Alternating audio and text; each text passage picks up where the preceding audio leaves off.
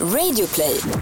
Nästa gång kanske det är vapenhandel eller IS som hör av sig. Liksom. Det kan ju vara vem som helst.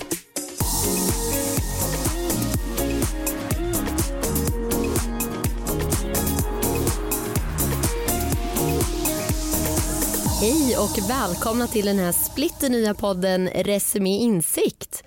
Vi kommer varannan vecka att analysera och gräva djupare i ett specifikt ämne inom marknadsföring och kommunikation. Jag som pratar heter Julia Lundin och är redaktör på Resumé Insikt. Och jag är din redaktörskollega då, jag heter Jasmin Winberg och jag jobbar också på Resumé Insikt. Och det är vi två som kommer att hålla i den här podden framöver. Det här är ju en ny kanal för oss Julia, hur känns det? Jag tycker det här känns skitkul faktiskt. Det är ett nytt sätt för våra läsare att få en sammanfattning av det vi gör på vår betala plattform varje vecka. Jag är också peppad och jag hoppas att våra, våra läsare också är det. Um, idag ska vi rivstarta den här podden genom att prata om ett litet experiment som vi har genomfört i veckan och jag kan säga så här mycket att det har med en stjärt att göra. Oj, ja. Ja, det här är ju ganska långt ifrån eh, Insikts eh, vanliga ämnen. Men eh, fan vad kul, berätta lite mer för våra lyssnare. Jo, men så här har det gått till. Vi har, vi har skapat en fake-profil på Instagram som vi har fyllt med, enligt vårt tycke, då, ganska pajiga stockfotobilder. Och där har vi utgett oss för att vara fotokonstnären Meja Silva. Lite flashigt namn eh, bestämde vi oss för. Mm. Eh, och hon eh, då hävdar att hon har haft utställningar i Barcelona, Milano och Paris. Och sen så tog vi en bild på kollegans stjärt då helt enkelt som vi pixlade och lyckades sälja in till åtta influencers. Mm. Och vi frågade ju 40 stycken, åtta genomförde köp. Sen tog ju vår budget slut där. Ja, vi hade, vi hade 7000. Ja, ja. Eh, så flera eh, av, fler än åtta då var ju väldigt intresserade av att sälja. Eh, Julia, kan inte du berätta lite om varför vi genomförde det här Absolut. experimentet? Vi vill ju testa hur mycket integritet mikroinfluencers har och hur avancerat det faktiskt är att köpa deras eh, förtroende idag. Och vi genomförde det här testet på nano mikroinfluencers som eh, har upp till 50 000 följare. Och det här är ju en typ av influencer som har vuxit explosionsartat de senaste åren kan man säga och det syns framförallt i, i många rapporter. Eh, och om det är så här enkelt att sälja in en skett, ja men vad betyder det då för annonsköpen i sociala medier? Att tilliten är skadad har inte minst kommit på tal sen den här omtalade dokumentären på Netflix, Fire Festival, mm. som vi båda har sett. Mm. Väldigt eh, spännande. Där influencers eh, säljer en festival som senare visar sig vara ett luftslott helt enkelt. Ja, den kan vi ju rekommendera Verkligen. våra lyssnare Absolut. att eh, kolla på. Den är ja. väldigt intressant. Ja. Men varför valde vi en stjärt då, Jasmin? Ja, det var en härlig passning jag fick där borta men eh, jag ska försöka, jag ska försöka eh, förklara varför vi valde en stjärt. Jo men en stjärt är väl egentligen verkligen något som få frivilligt vill publicera i sina kanaler, så tänkte vi. Och eh, nu var ju den här stjärten maskerad i det här fallet, men till exempel hudfärgen på bilden och kanske också formen skulle kunna ha väckt frågor i det här fallet. Ehm, egentligen är ju skärten också sekundär i det här experimentet eftersom vi har lagt ut många andra ledtrådar för att man ska kunna avslöja den här fotokonstnären Meja Silva. Mm. Eh, där kan man till exempel googla, googla, namnet. Det är också lätt att kolla upp galleriet där hon ställer ut, där hon hävdade att hon ställde ut. Och eh, sen så är det ju ganska lätt att se att vi har pumpat in massor med bilder på hennes Instagram under väldigt kort tid. Vi körde ju ut 40 bilder där under en timme bara. Ja, och ändå är det då bara en av 40 stycken som har ställt kritiska frågor kring vem Meja Silva faktiskt är och vad den här bilden föreställer. Och de andra har alltså glatt svalt våran eh, bluff här. Och vi som reportrar tycker du att det här resultatet är ganska så läskigt. Den här gången fanns ingen politisk agenda men tänk vad som kan hända nästa gång. Ja, vi hade ju kunnat haft odemokratiska syften eller andra hade ju kunnat haft odemokratiska syften framöver och det kan ju gå riktigt illa då. Absolut. Sen har, vi också, sen har ju också frågan om förtroendet gentemot följarna eh, kommit upp här. Det är väldigt centralt. Det är ju faktiskt förtroende som influencers säljer. Men alla verkar inte riktigt bry sig om integritet har vi fått bilden av under förmiddagen idag då när vi faktiskt har kontaktat de här eh, profilerna. Och när vi avslöjade våran bluff så sa en av dem till exempel okej, okay, jag fattar ingenting, betala ut mina pengar bara. Ja, det var ju ett intressant eh, citat som faktiskt rundar, eh, ringar in det experimentet som vi har genomfört idag. Ja. Med oss här idag för att prata om förtroendet för influencers är My Söderholm, grundare på Social Minds och ordförande i månadens kampanj sociala medier. Välkommen hit My. Tack så jättemycket, kul att vara här. Hur mår du? Jag mår jättebra. Jag har varit, eh, jag har varit på en turné nu med Melodifestivalen så man är ju lite trött men annars är det väldigt bra. Hur mycket jobbar du med mikroinfluencers specifikt? jobbar en hel del med dem eh, men eh, som vi ofta tänker på så är ju influencers inte den röda tråden i en kampanj eh, så att när vi väl tar in influencers så ska det kännas att det verkligen passar för den kampanjen. Så det är väldigt olika. Ibland har man en större influencer som man vill ha liksom i hela kampanjen från start till mål och ibland vill man få en liten extra push och då tar man hjälp av mikroinfluencers. Vad säger du om de här resultaten som vi har fått fram i vårt lilla experiment? För du har ju, du har ju tagit del av det idag. Yes. Vad tycker du?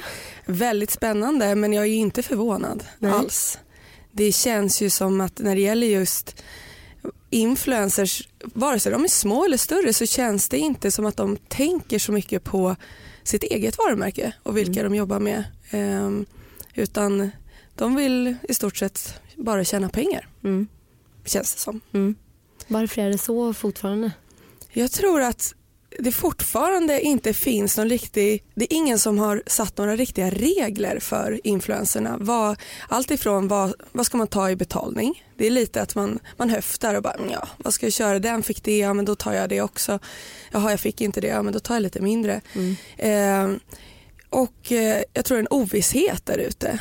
Och det finns verkligen, alltså, det är många som jobbar med, när de jobbar med eh, influencernätverk mm. och då känns det som det blir lite mer uppstyrt. Mm. Dock tar ju influencernätverken väldigt mycket eh, katt på det som eh, influencerna tjänar vilket gör att det blir väldigt dyrt att gå igenom nätverken. Och därför tror jag också de som kör själva, de har ingen riktig det har blivit så att de pratar bara med varandra och sen mm. höftar de lite och de behöver nog lite mer riktlinjer mm. skulle jag säga. Mm. Hur tycker du att man ska prissätta då? efter, efter vad man får för resultat. Det tycker jag ofta är ett stort problem. Om du ska jobba med influencer då vill du gärna se vad har du fått för resultat tidigare. Om du har gjort, jobbat med ett företag, vad, hur många, vad blev liksom resultatet av det? Hur mycket av den produkten sålde eller vad fick det för spridning? Men ingen vill dela med sig av de resultaten. Mm och inte varken stora influencers eller mindre utan det är mer, ja men jag har 100 000 följare eller jag har 5 000 följare, ni når alla de här. Ja mm. fast det gör vi ju inte riktigt för det är i stort sett 20% av följarna som ser inlägget och sen från det att de ska vilja interagera med det, det, är inte, det blir liksom väldigt små marginaler. Mm. Och där tror jag också många företag inte har läst på ordentligt. Så de ser bara, de tittar bara på siffrorna. Ah, vi jobbar med den influencern, då når vi så här många. Och så jobbar vi med massa mikroinfluencers, tillsammans kommer vi nå 100 000. Men vad ger det i slutändan? Det är väldigt mm. många som inte tänker på det utan de tänker bara ja men vi kör det så kommer det bli jättebra, det ser bra ut, vi får jättemycket reach. En liten bastning till företagen där. Ja verkligen. Enkelt. Jag tycker att det är eh, företagen ligger också hundra år efter i den världen. Det känns som att de fortfarande bara tittar på siffrorna, inte resultaten. Utan bara tänker räckvidd, så många når vi. Ja, men, äh, hälften kanske sover och inte ens är inne på kanalerna och interagerar. Så mm. det ger inte så mycket längre. Och ska man jobba med influencers så är det viktigt att tänka varför ska, har vi valt den här influencern? Har vi gjort bakgrundskontrollen också och kollat vad, vad har den här influencern gjort innan? Jag vet inte hur ofta som företag tänker använda sig av influencers och har ingen aning om vilka de är. De ser bara, ja ah, men de har jättemycket följare, ja men vet du vad de står för? Står ni för samma sak? De har jobbat med konkurrenter till er, de jobbar med alla. I vissa influencers, om man kollar på deras konton så är det bara samarbete, samarbete, samarbete, samarbete. Vad är det för trovärdighet? Mm. Mm. Vi såg ganska många sådana exempel ja. nu när vi köpte. Ganska extrema faktiskt. Det ja. var flöden fyllda av samarbeten ju. Ja, var det ju. ja verkligen. Ja.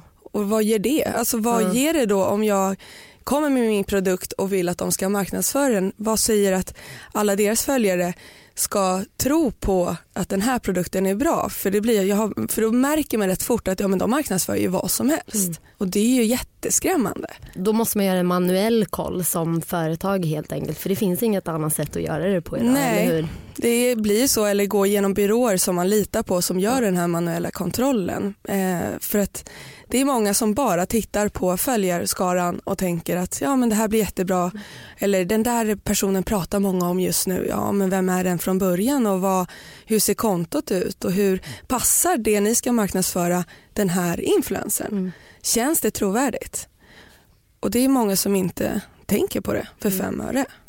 Har du upplevt att eh, den kollen har liksom lagts åt sidan eh, när man väljer att använda mikroinfluencers? För jag tänker om man, ska, om man är ett ganska stort företag kanske man använder en hundra stycken eh, som är små. Hur ska, man liksom, hur ska man mäkta med att göra den kollen? Jag skulle säga att det är värt att göra kollen. Alltså, det låter ju som att, åh oh, gud vilket jobb, men det kan ju drabba ordentligt. Om du jobbar med hundra influencers varav en har gått ut och kanske sagt något extremt rasistiskt eller lagt ut något väldigt kränkande eller mobbat någon, det kan vara vad som helst. Då är det bättre att ha gjort den här kontrollen och känna att nu vet jag eller nu vet vi som företag, de här kan vi stå bakom. För om det kommer en smäll tillbaka, speciellt stora företag som har väldigt mycket ögon på sig, när konkurrenter kanske gör allt för att sätta dit dem, då är det viktigt att kunna stå för de mikroinfluenserna man jobbar med. Så skulle jag säga hellre inte jobba med någon om man inte känner att man mäktar med att kolla upp alla influencers. Mm. Och de här små influenserna, mikroinfluenserna som har alltså, som har en hel del följare men inte får så mycket engagement. Jag ser inte varför man jobbar med dem. Det känns jätteonödigt. Plus att vad tänker man då om företaget? Om de köper 100 100 platser kan man ju säga då, det blir som 100 annonsplatser på 100 olika influencers konton. Då blir det lite desperat till slut. Att alla kör samma grej och bara ska pusha ut för det blir ju så uppenbart att det här är bara marknadsföring. Och då när man ser att de gör marknadsföring för allt möjligt och kanske i två inlägg tidigare för en konkurrent då känns det ju inte att det kommer från hjärtat. När du jobbar med influencers ska det ändå kännas att de, jag tycker det är viktigt att man känner att de står för den produkten de gör någonting för och hellre göra ett stort samarbete med några influencers som genuint introducerar har du också valt att bli egen? Då är det viktigt att skaffa en bra företagsförsäkring. Hos oss är alla småföretag stora och inga frågor för små. Swedeas företagsförsäkring är anpassad för mindre företag och täcker även sånt som din hemförsäkring inte täcker. Gå in på swedea.se företag och jämför själv.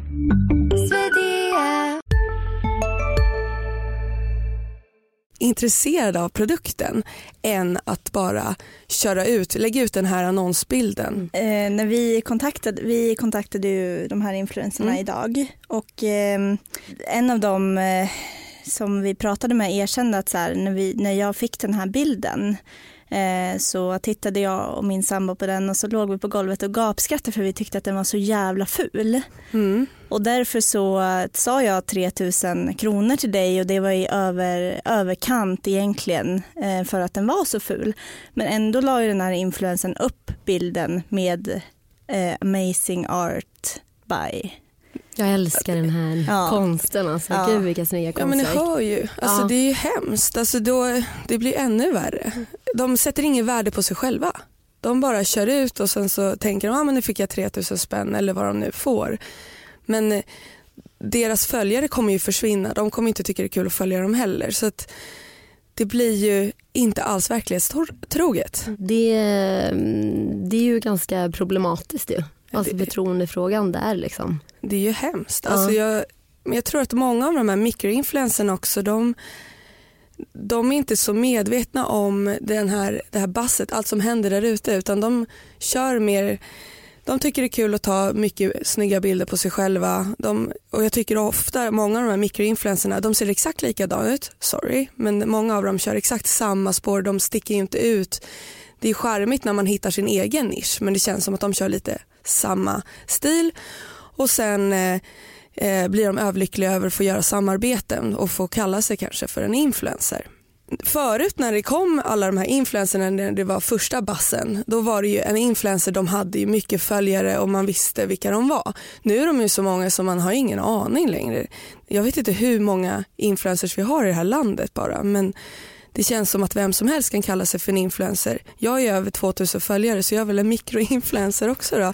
Du är mellan nano och mikro. Ja, eh, och då blir det också att man inte, jag, skulle jag få förfrågan, nu jobbar ju jag med det här men man skulle ju aldrig, man är väldigt mån om vad man lägger upp och hur det uppfattas av ens följare. Eh, man kan ju inte bara slänga ut vad som helst men det känns inte som att de bryr sig. Och många av de här som jag vet många jobbar med har också köpt mycket följare mm. och köpt likes och köpt kommentarer, de här klass, klassiska kommentarerna amazing och allt vad det står. Och flera av dem vet jag tjänar rätt bra på att göra shoutouts.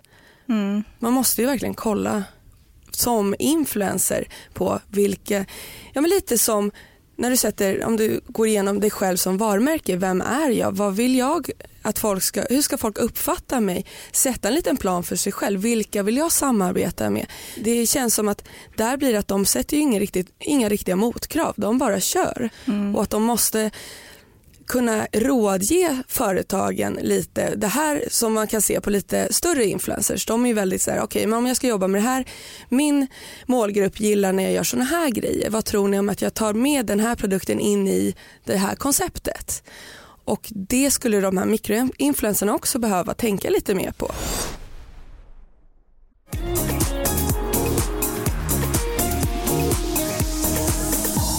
Har influensen eller företaget som förmedlar tjänsten mer ansvar att faktiskt kolla upp annonsören? Jag tycker ju att det är både, både och. Eh, men eh, influencern skulle ju verkligen, alltså om man tar om man jämför det med en artist till exempel, så som har ett management och management säger du ska marknadsföra det här då måste ju de också tänka på sitt eget varumärke. Det är du som person. Det är inte bara att någon säger här, lägg ut den här grejen så får du de här pengarna eller gör den här grejen så får du de här pengarna. Utan man måste också ha lite integritet med sig själv. Vad vill jag? Vad, vad passar mitt flöde? Och tänka på Alltså, när det är ett företag som det här företaget som man inte hade någon aning om vad det var för någonting, att göra en bakgrundskontroll. Så jag tycker att det är både managementet, eller vad man ska kalla dem för, och eh, själva influencers i sig som måste kolla upp. För annars, det är ju skrämmande att de bara, nästa gång kanske det är vapenhandel eller mm. ja, IS som hör av sig. Om, liksom. Det kan ju mm. vara vem som ja. helst. Mm. Och de bara slänger ut det för att få en slant. Ja. Det kunde ju varit mycket värre budskap än det här. Vi är ganska mm. snälla i det här eh, sammanhanget. Mm. Men jag tänker så här, om man ska prata lite brand safety också. Eh, om det finns liksom fejkade annonser i ett flöde, vad riskerar då etablerade annonsörer genom att synas i Som det flödet? Företag så måste man ju tänka på hur man uppfattas. Lägger man upp, om jag ser, vi tar typ McDonalds som de flesta vet vad det är. Skulle McDonalds synas på sådana platser Eh, Eh, med en kampanj som man uppenbarligen förstår att här har de köpt den här platsen, inte bara att någon lägger upp en bild på en burgare. Eh, och sen ser man vad de mer har gjort och många av de som följer de här personerna det blir ju lätt att man tänker ja det är den där som lägger upp om allt och den har fejkföljare och det sabbar ju lite synen på de varumärkena som syns i de sammanhangen och trovärdigheten. Eh, så jag skulle verkligen säga att alla måste tänka på vilka samarbeten är med och varför mm. och hellre se längre samarbeten än de här eh, korta, bara enstaka shoutoutsen. För det, är man inte trött på det? Är det någon som går på det fortfarande? Det var väl en av influens, de som vi kontaktade som eh, skrev, nej men vi gav dig en shoutout här. Ja, så Var vi behöver inte annonsmärka för att vi har gett dig en shoutout och det här brukar vi göra med varandras profiler och, och då så sa vi men vi har ju faktiskt betalat för den här Ja. platsen så det är ju eh, reklam. Ja, och då måste Eh, den annonsmärkas. Ja, Ja. Men det var bara en shoutout så det Ja. behövdes inte. Det var en Det är av också alla. skrämmande att de ja. inte har koll på det. Ja. Men kommer det någonsin kunna bli en icke-fejkad miljö på en plats som Instagram? Jag tror att den dagen som företag börjar märka att det inte ger så bra resultat att köra på det sättet. Att bara köpa platser hela tiden och jobba med influencers som bara i stort sett har eh, marknadsförda inlägg utan någon, när det inte känns eh, genomtänkt och det känns inte äkta. Jag tror att då kommer företag i alla fall kanske inte lägga pengar på samma sätt. Utan min förhoppning är att företag istället lägger större summor på några enstaka där man gör ett större samarbete där kanske personen är med i den här reklamkampanjen eller det blir en mer äkthet. Man jobbar mer med inläggen, det kanske är en humorserie eller det är någonting, en fotografering med flera bilder. Man känner att det här är lite mer genomtänkt men det här är bara en shoutout hit, en shoutout dit. Eh, ena dagen är det smink, sen är det något smycke och sen så är det någon telefon. Att det bara blir blandat så att Det ger inget långsiktigt. Liksom. nej det ger ingen långsiktigt och jag tror inte att det ger jättebra resultat i längden. Och då blir det, och sen när influencerna bara tar mer och mer betalt för en, de tar ju mer betalt om du köper en shoutout än om du gör ett längre samarbete. Det blir ju mer värt att göra ett längre samarbete för då får du mer return of investment. Man måste tänka lite längre, lite kreativare. Bra. Em, om vi ska avrunda igen genom att återgå till brand safety-frågan då. Eh, om du skulle säga tre tips då hur man som annonsör kan säkerställa att man hamnar i en städad miljö på sociala medier hos influencers. Vad ska man tänka på då? Eh, det första är ju att, eh, men, att först kolla vilka är det vi vill nå. Alltså vilken målgrupp vill vi nå? Och vart finns de någonstans? Sen kollar då de här influencerna som man säkert hört talas om eller blivit tipsade om. Kolla igenom vad, hur ser deras flöden ut. Ta er tiden och scrolla ner, kolla lite vad, vad står de för, vad har de skrivit om. Passar deras varumärke vårt varumärke? Är det som handen i handsken eller är vi helt ute på liksom, ute och cyklar? Och sen att kolla, har de jobbat med några konkurrenter eller vilka företag har de jobbat med tidigare? Vill vi beblanda oss med de företagen? Passar det oss? För när det blir att de bara lägger ut massa grejer hela tiden med lite hit och lite dit och det inte finns någon röd tråd, då skulle jag nog eh, rekommendera att inte samarbeta med dem. Bra, det får bli avslutningsorden här då. Tack så jättemycket My. Ja, tack Tack för att du kom hit. Ja, tack, det var jättetrevligt.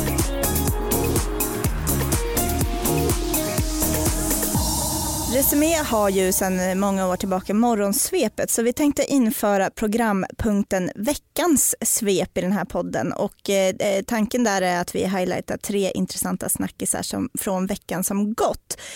Och eh, då kan vi inleda här med eh, Sami Badran. Han har ju faktiskt inte bara lackat ur på Alex Schulman? Alex Schulman. Schulman! Vem fan är det? Sami vill inte ta en bild med mig. Nej, Han har också lackat ur på oss. Eh, vi håller på med ett jobb för SME Insikt där vi försöker reda ut exakt vilken praxis som gäller för reklammärkning i sociala medier, för det är lite vilda västern där också. Och eh, därför har vi anmält en del influencers till reklamombudsmannen och inväntar nu deras dom. Eh, men det här föll inte Samir Badran i smaken. Han la ut tio stories i sin, eh, på sin Instagram där han skrek ut sin ilska över oss helt enkelt. Tack Samir. Ja, och nummer två då. Eh, jag fick blinka hårt flera gånger för att jag trodde att jag drömde. Så sa en kreatör om stunden när han för första gången fick se Klanas kampanj med Snoop Dogg, numera Smooth Dogg. Klanas samarbete har sannoliken fått uppståndelse. Många trodde ju inte att de skulle kunna utveckla det här konceptet eftersom de blåst på till 100% redan från start. Det är en väldigt dyr produktion det här tror vi. Verkligen. Men redan nu visar det sig att de har fel. För nu lanserar Klarna och Smooth Dog en kollektion med produkter som ska göra vardagen mer smooth. Eller vad sägs om gyllene jordnötssmör, silkeslena lakan eller en sju meter hög uppblåsbar rutschkana? Skulle man vilja ha Jasmin? Ja, nu gör vi gratis reklam för, för Ja. Klarna här Ja. men det kan de få. Ja, det kan ni få. Ehm, nummer tre då, det viskas om att branschorganisationerna är för många i det här landet. Det är i varje fall vad vi på Resumé hör på stan. Eh, samtidigt så noterar vi att Sveriges kommunikationsbyråer inför årets eh, Guldägget marknadsför tävlingen genom att snacka effekt. Och effekt har ju alltid varit Sveriges annonsörers pris 100-wattarens specialitet. Tror vi att det är en beef på gång här Julia? Det hoppas vi. Ja, det är härligt med lite, är lite det. sånt. Yes, nu har det blivit dags att avrunda här i premiäravsnittet av Resumé Insikt. Idag har vi funderat kring hur mycket integritet influencers faktiskt har och vad det gör med förtroendet. Men jag undrar faktiskt en grej som våra läsare inte har fått reda på Ja. eh, hittills. Eh, vad betalade vi för stjärten? Det billigaste budet vi fick det var 150 spänn.